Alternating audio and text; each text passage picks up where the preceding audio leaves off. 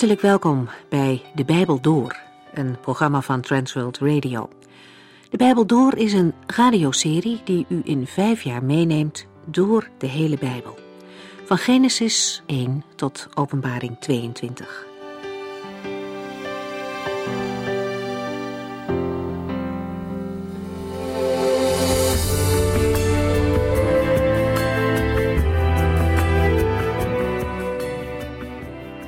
Fijn dat u weer luistert. Vandaag zijn we toe aan Handelingen 4. Petrus en Johannes gingen in het vorige hoofdstuk naar de tempel voor het gebedsuur, zo rond drie uur in de middag.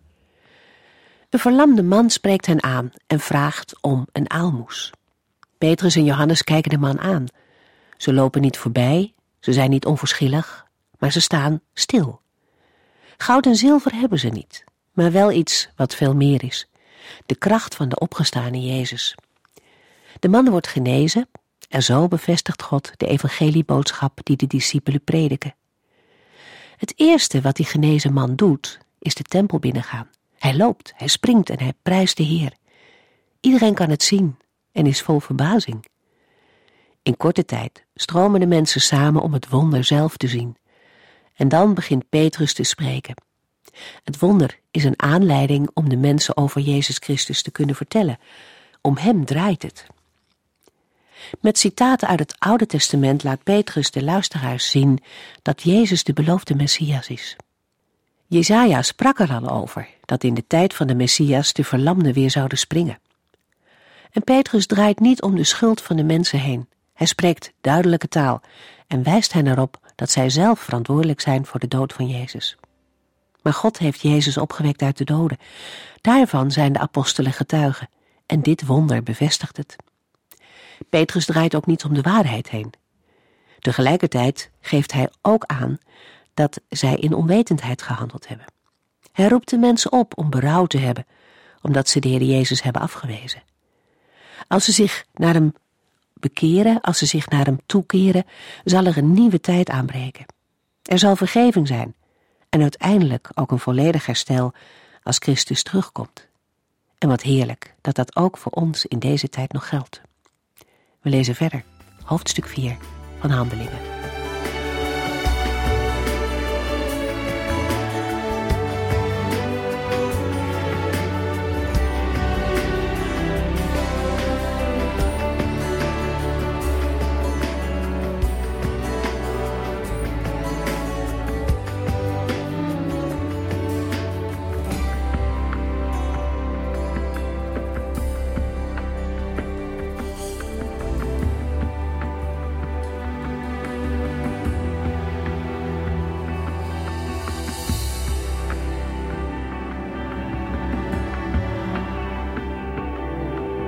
De vorige uitzending hebben we gelezen over de genezing van een verlamde man.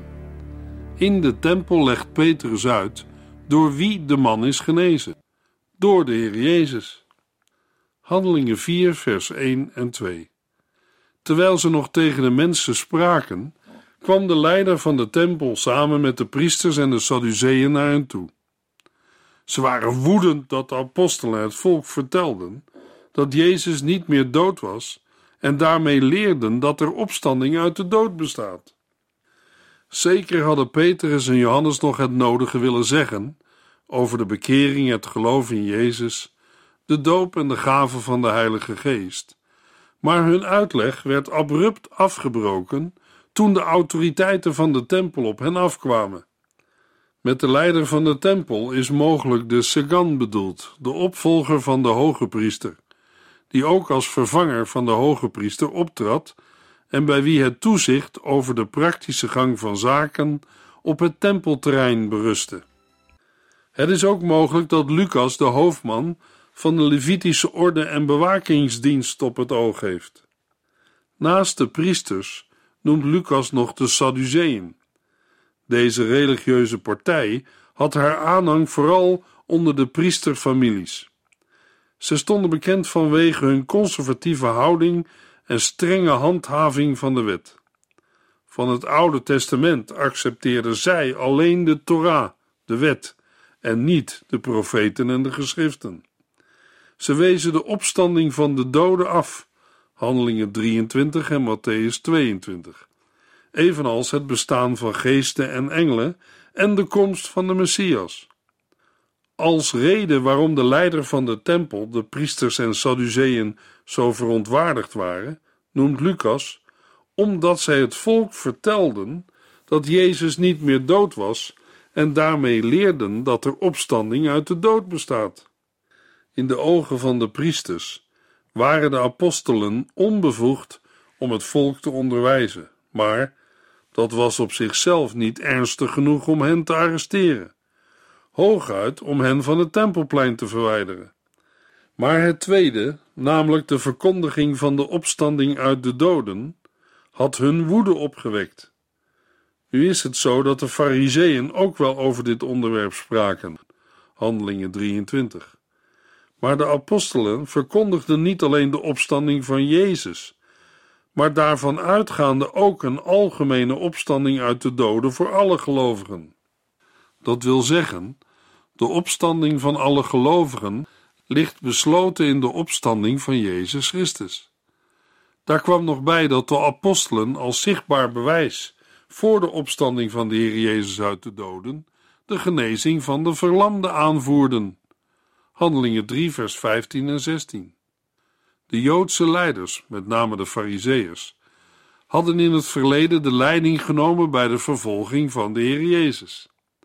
Ze lieten hem arresteren en ter dood brengen. Zij waren zijn vijanden toen hij op aarde wandelde.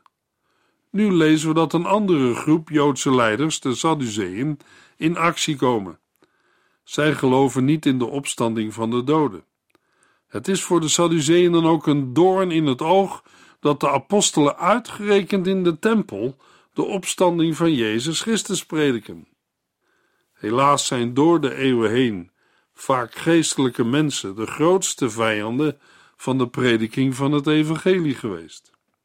Wij willen hen zegenen en voor hen bidden dat de Heer hen de mogelijkheden van zijn liefde laat zien en tot een ander inzicht brengt. Juist naar gesloten landen en gebieden is radio een middel om onbereikte te bereiken met het evangelie van Jezus Christus. Daar waar geen zendeling kan en mag komen, wil de Heere zondaars redden met behulp van radioprogramma's in de eigen taal van de luisteraars.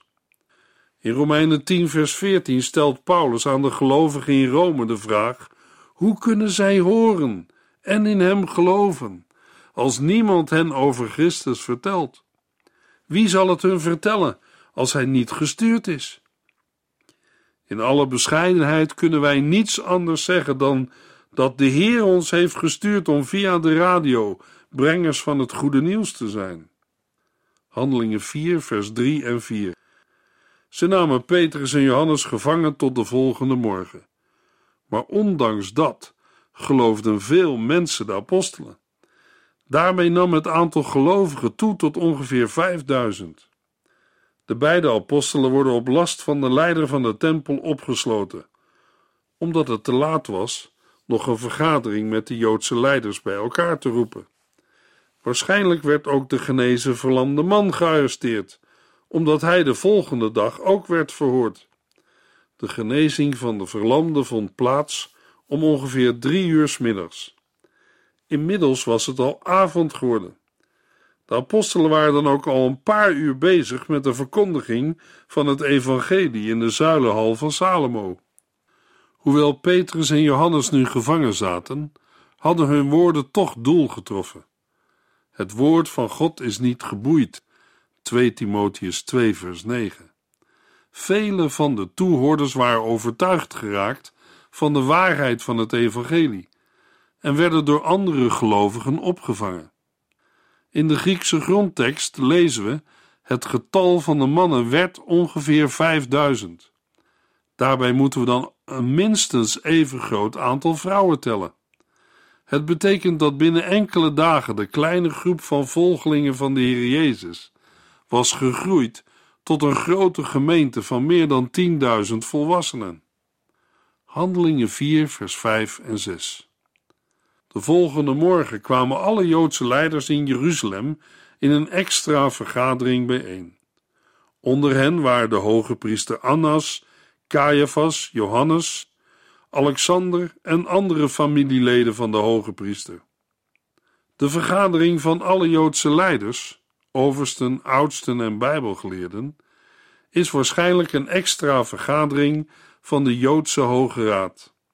Deze raad bestond uit 70 leden en werd het Sanhedrin genoemd.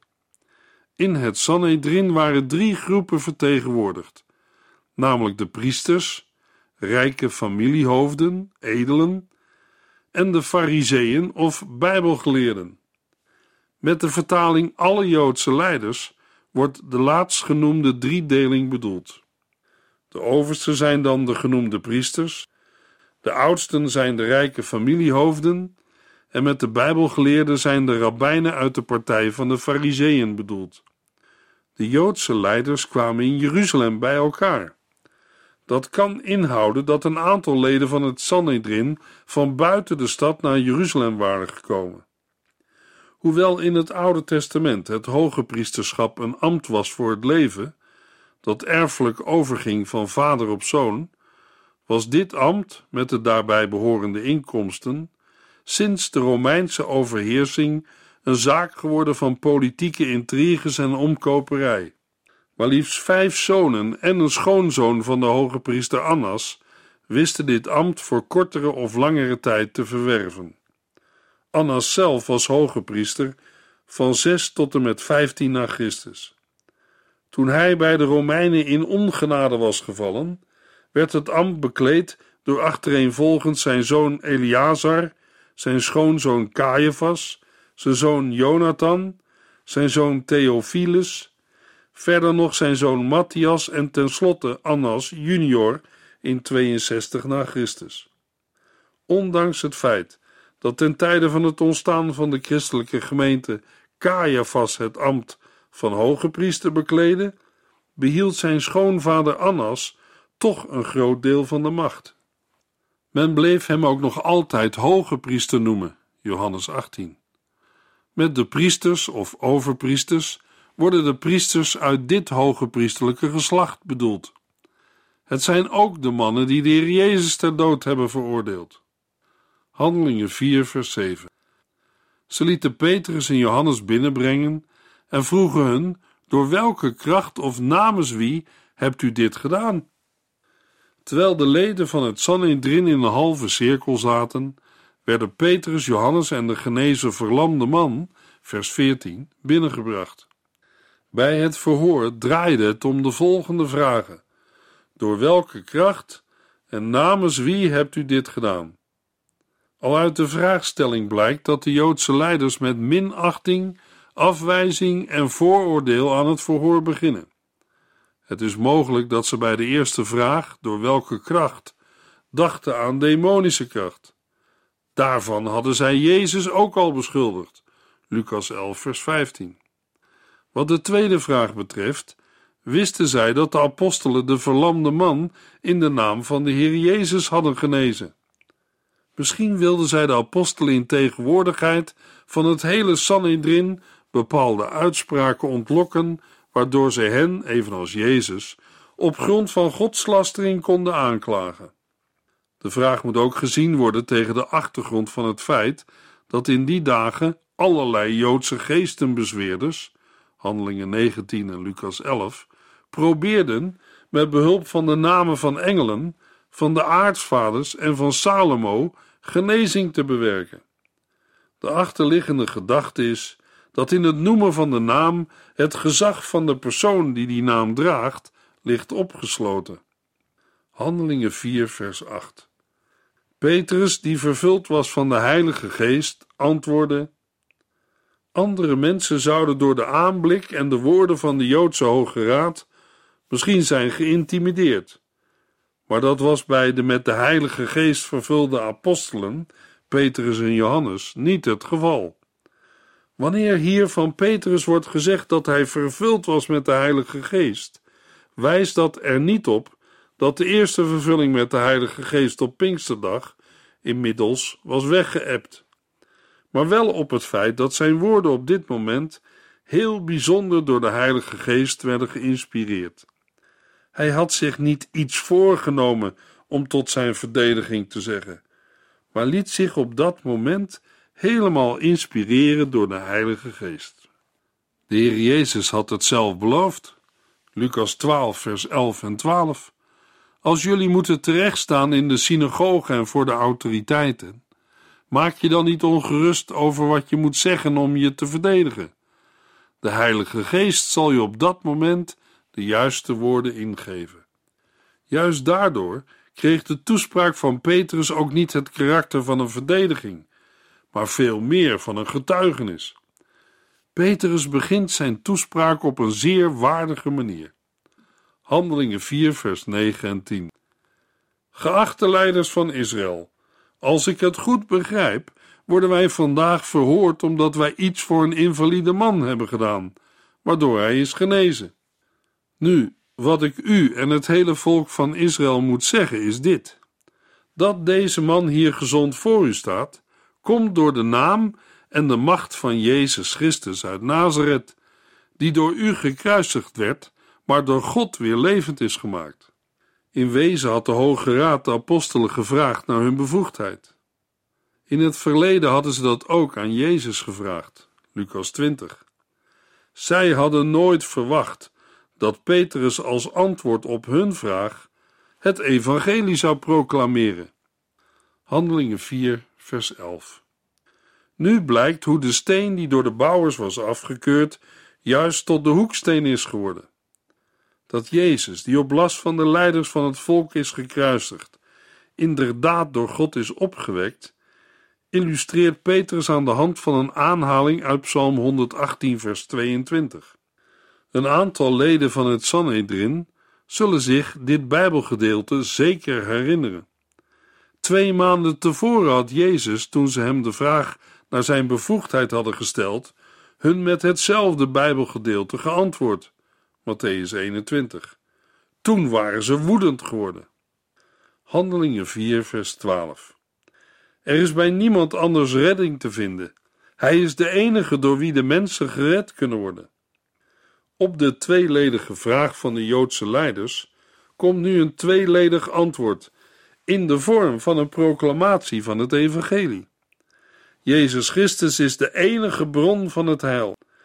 Niemand anders kan en zal ooit aanspraak mogen en kunnen maken op de titel Messias, want door de Heer Jezus is het heil, de redding, tot de mensen gekomen.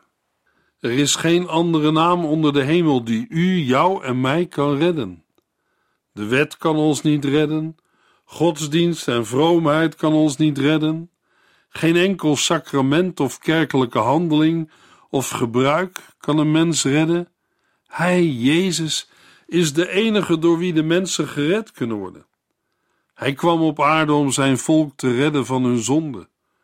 Luisteraar, hoort u bij dat volk? bij die scharen die niemand tellen kan? Petrus verkondigt een belangrijke boodschap. Het is een prachtig slot van zijn antwoord aan het Sanhedrin. Hoe zullen de Joodse leiders hierop reageren? Handelingen 4, vers 13. De Joodse leiders waren verbaasd dat Petrus en Johannes zich zo vrijmoedig verdedigden, hoewel ze toch mensen zonder opleiding waren. Zij herinnerden zich dat zij allebei veel met Jezus waren omgegaan. De apostelen konden ongetwijfeld wel lezen en schrijven, maar hadden geen opleiding voor rabbigenoten, zoals Paulus, Handelingen 22. Wij zouden zeggen, ze hebben geen theologie gestudeerd. De vrijmoedigheid van de apostelen was een gevolg van de werking van de Heilige Geest.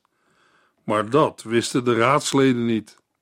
Geen van hen had trouwens verwacht dat zij na de kruisiging van Jezus nog op een dergelijke krachtige en levende manier met zijn naam zouden worden geconfronteerd. Handelingen 4, vers 14 tot en met 16. Maar omdat de genezen man bij hen stond, konden zij niets tegen hen inbrengen. Zij stuurden Petrus en Johannes de raadzaal uit en overlegden met elkaar: wat moeten wij met deze mannen doen? Wij kunnen er niet omheen dat zij een groot wonder hebben gedaan. De vrijmoedigheid van de apostelen had hen verbaasd. De inhoud van hun woorden had hen geschokt. En het feit van de genezing van de verlamde die erbij stond, verleende aan deze woorden zoveel kracht dat de Joodse leiders geen weerwoord hadden. Handelingen 4, vers 17 en 18. Iedereen in Jeruzalem weet ervan. Om te voorkomen dat ze nog meer propaganda maken, moeten wij hun verbieden die naam nog verder te noemen. Anders zullen zij streng gestraft worden. Ze riepen de twee apostelen weer binnen en verboden hun ooit weer over Jezus te spreken. De Joodse leiders besluiten Petrus en Johannes te intimideren. Maar zij antwoorden: Wat vindt u? Is het juist dat wij u in plaats van God gehoorzamen? Wij kunnen gewoon niet zwijgen over wat we hebben gezien en gehoord. Na herhaalde dreigementen lieten de Joodse leiders hen gaan, want ze konden geen goede reden vinden om hen te straffen. Zij durfden hun niets aan te doen, omdat het volk God prees voor wat er was gebeurd. Een man van in de veertig, die vanaf zijn geboorte verlamd was geweest, was genezen door een wonder. Handelingen 4, vers 19 tot en met 22. Op de vraag van Petrus en Johannes komt geen antwoord, omdat de leden van het Sanhedrin hun hart al lang hebben verhard. Zij zien met een enkele uitzondering hun eigen belang en hun eigen gelijk als de wil van God. Dat zagen we al eerder in Johannes 11, vers 48 tot en met 50. Handelingen 4, vers 23 en 24. Zodra zij vrij waren, gingen Petrus en Johannes naar hun vrienden en vertelden wat de Joodse leiders hadden gezegd. Daarna baden zij volkomen eensgezind tot God. Machtige Heere, u hebt de hemel, de aarde en de zee gemaakt, met alles erop en erin. Wanneer de overige apostelen en de aanwezige gemeenteleden horen van het spreekverbod, worden ook zij niet bang. Ze nemen de bedreigingen wel ernstig. Dat blijkt uit wat er na hun verslag gaat gebeuren. Daarna baden zij volkomen eensgezind tot God. Machtige Heere, u hebt de hemel, de aarde en de zee gemaakt met alles erop en erin. Door de Heilige Geest hebt u uw dienaar, onze voorvader David, laten zeggen: Wat zijn de ongelovige volken toch dwaas om tegen de Heere op te staan? Het is onbegrijpelijk dat deze mensen proberen God te slim af te zijn. De machthebbers van deze wereld hebben hun hoofden bijeengestoken en de leiders spannen samen tegen de Heer en zijn gezalfde. Dat is nu precies wat hier in Jeruzalem gebeurt. Herodes en Pontius Pilatus hebben samen met de volken van Israël en Rome de handen ineengeslagen om te strijden tegen uw dienaar Jezus. Daarmee doen zij wat u in uw wijze macht van tevoren had bepaald. Kijk, heren, hoe zij dreigen. Geef uw knechten vrijmoedigheid om te zeggen wat u hun opdraagt. Laat zien dat u achter ons staat door de mensen te genezen. Laat er wonderen en tekenen gebeuren wanneer wij namens uw dienaar Jezus optreden. Handelingen 4, vers 24 tot en met 31. De apostelen bidden in alle nederigheid. Ze stellen de Heere geen eisen, maar vertrouwen zich aan hem toe. Het begin van het gebed vertoont overeenkomsten met gebeden uit het Oude Testament. 2 Koningen 19 en Nehemia 9, waarin de Heer als de schepper van alle dingen wordt beleden. Het is een beleidenis van zijn almacht om ook nu in te grijpen. Het gebed wordt voortgezet met een aanhaling uit Psalm 2. De apostelen hebben in de gebeurtenissen van de laatste tijd de vervulling herkend van deze profetische psalm. Nu volgt in het gebed de uitwerking ervan. De Heere wilde door het lijden en sterven van Jezus de wereld met zich verzoenen. Colossense 1 vers 20. Dat neemt de verantwoordelijkheid van Gods tegenstanders niet weg. Maar het maakt wel duidelijk dat de kruisiging van Jezus geen toevallige historische gebeurtenis is. Niet het tragische einde van de door God gezonde Messias en geen teken van Gods onmacht. Vandaar hun eenstemmig gebed dat de Heilige Geest hun vrijmoedigheid zal geven en hun getuigenis zal blijven bevestigen met tekenen en wonderen. Handelingen 4, vers 31. Terwijl ze dit aan God vroegen, begon het gebouw waar ze bijeen waren te schudden. Ze werden allemaal vol van de Heilige Geest en verkondigden vrijmoedig de boodschap van God. Als goddelijk antwoord op het gebed van de gelovigen vindt er een aardbeving plaats. Handelingen 16, vers 26. Het is tegelijkertijd een van de bevestigende tekenen en wonderen waarom de gelovigen hebben gebeden. Net als het geluid van een opstekende storm, Handelingen 2, is soms een aardbeving een teken van een bijzondere aanwezigheid van de Heere, een teken van zijn heerlijkheid en heiligheid. Handelingen 4, vers 32 tot en met 37. Alle mensen die in Jezus geloofden, waren van harte eensgezind. Niemand zei dat zijn bezittingen van hem alleen waren. Alles was gemeenschappelijk. De apostelen verkondigden met grote overtuigingskracht dat de Heer Jezus uit de dood was opgestaan en Gods zegen rustte op hen allen. Niemand van hen leed gebrek, want allen die land of huizen hadden, verkochten daar zo nu en dan iets van en gaven het geld aan de apostelen. Die deelden uit aan ieder die iets nodig had. Een van die mensen was Jozef, een leviet van het eiland Cyprus. Hij werd door de apostelen Barnabas genoemd, wat betekent zoon van de troost. Deze Jozef had een stuk land verkocht en het geld aan de apostelen gegeven. De vervulling met de Heilige Geest gaf niet alleen vrijmoedigheid in getuigen van de Heer Jezus, maar gaf ook een diepe eenheid onder de gelovigen. In Handelingen 2 beschrijft Lucas hoe de eerste gelovigen in eensgezindheid en gemeenschap van goederen leefden. Nu blijkt dat deze levenshouding en levensstijl ook wordt voortgezet door de mensen die later tot geloof kwamen. Aan het slot van hoofdstuk 4 maken we kennis met Jozef, bijgenaamd Barnabas. We hebben zijn naam al gelezen in Handelingen 1. In het verdere verloop van het Bijbelboek Handelingen zal hij een belangrijke rol spelen als medewerker van Paulus en als zelfstandig evangelist. In de volgende uitzending lezen we Handelingen 5.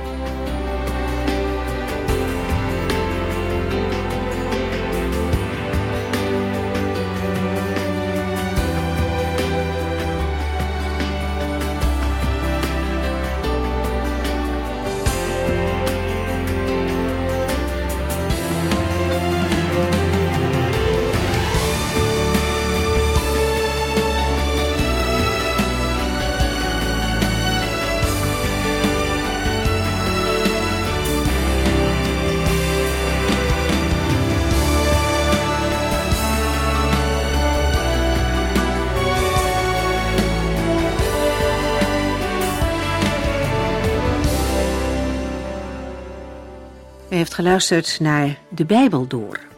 In het Nederlands vertaald en bewerkt door Transworld Radio. Een programma waarin we in vijf jaar tijd de hele Bijbel doorgaan. Als u wilt reageren op deze uitzending of u heeft vragen, dan kunt u contact met ons opnemen. Tijdens kantooruren kunt u bellen op 0342 47 8432. 0342 47 8432. 32. Ook kunt u een e-mail sturen naar de Bijbel door transworldradio.nl en natuurlijk kunt u ook via de post ons bereiken. TWR, postbus 371, postcode 3770, AJ in Barneveld. Dit programma werd gepresenteerd door Cor Weda en Ike André. Techniek was in handen van Odin van Woerdekom. En wij allemaal bedanken u voor het luisteren. Graag tot de volgende keer.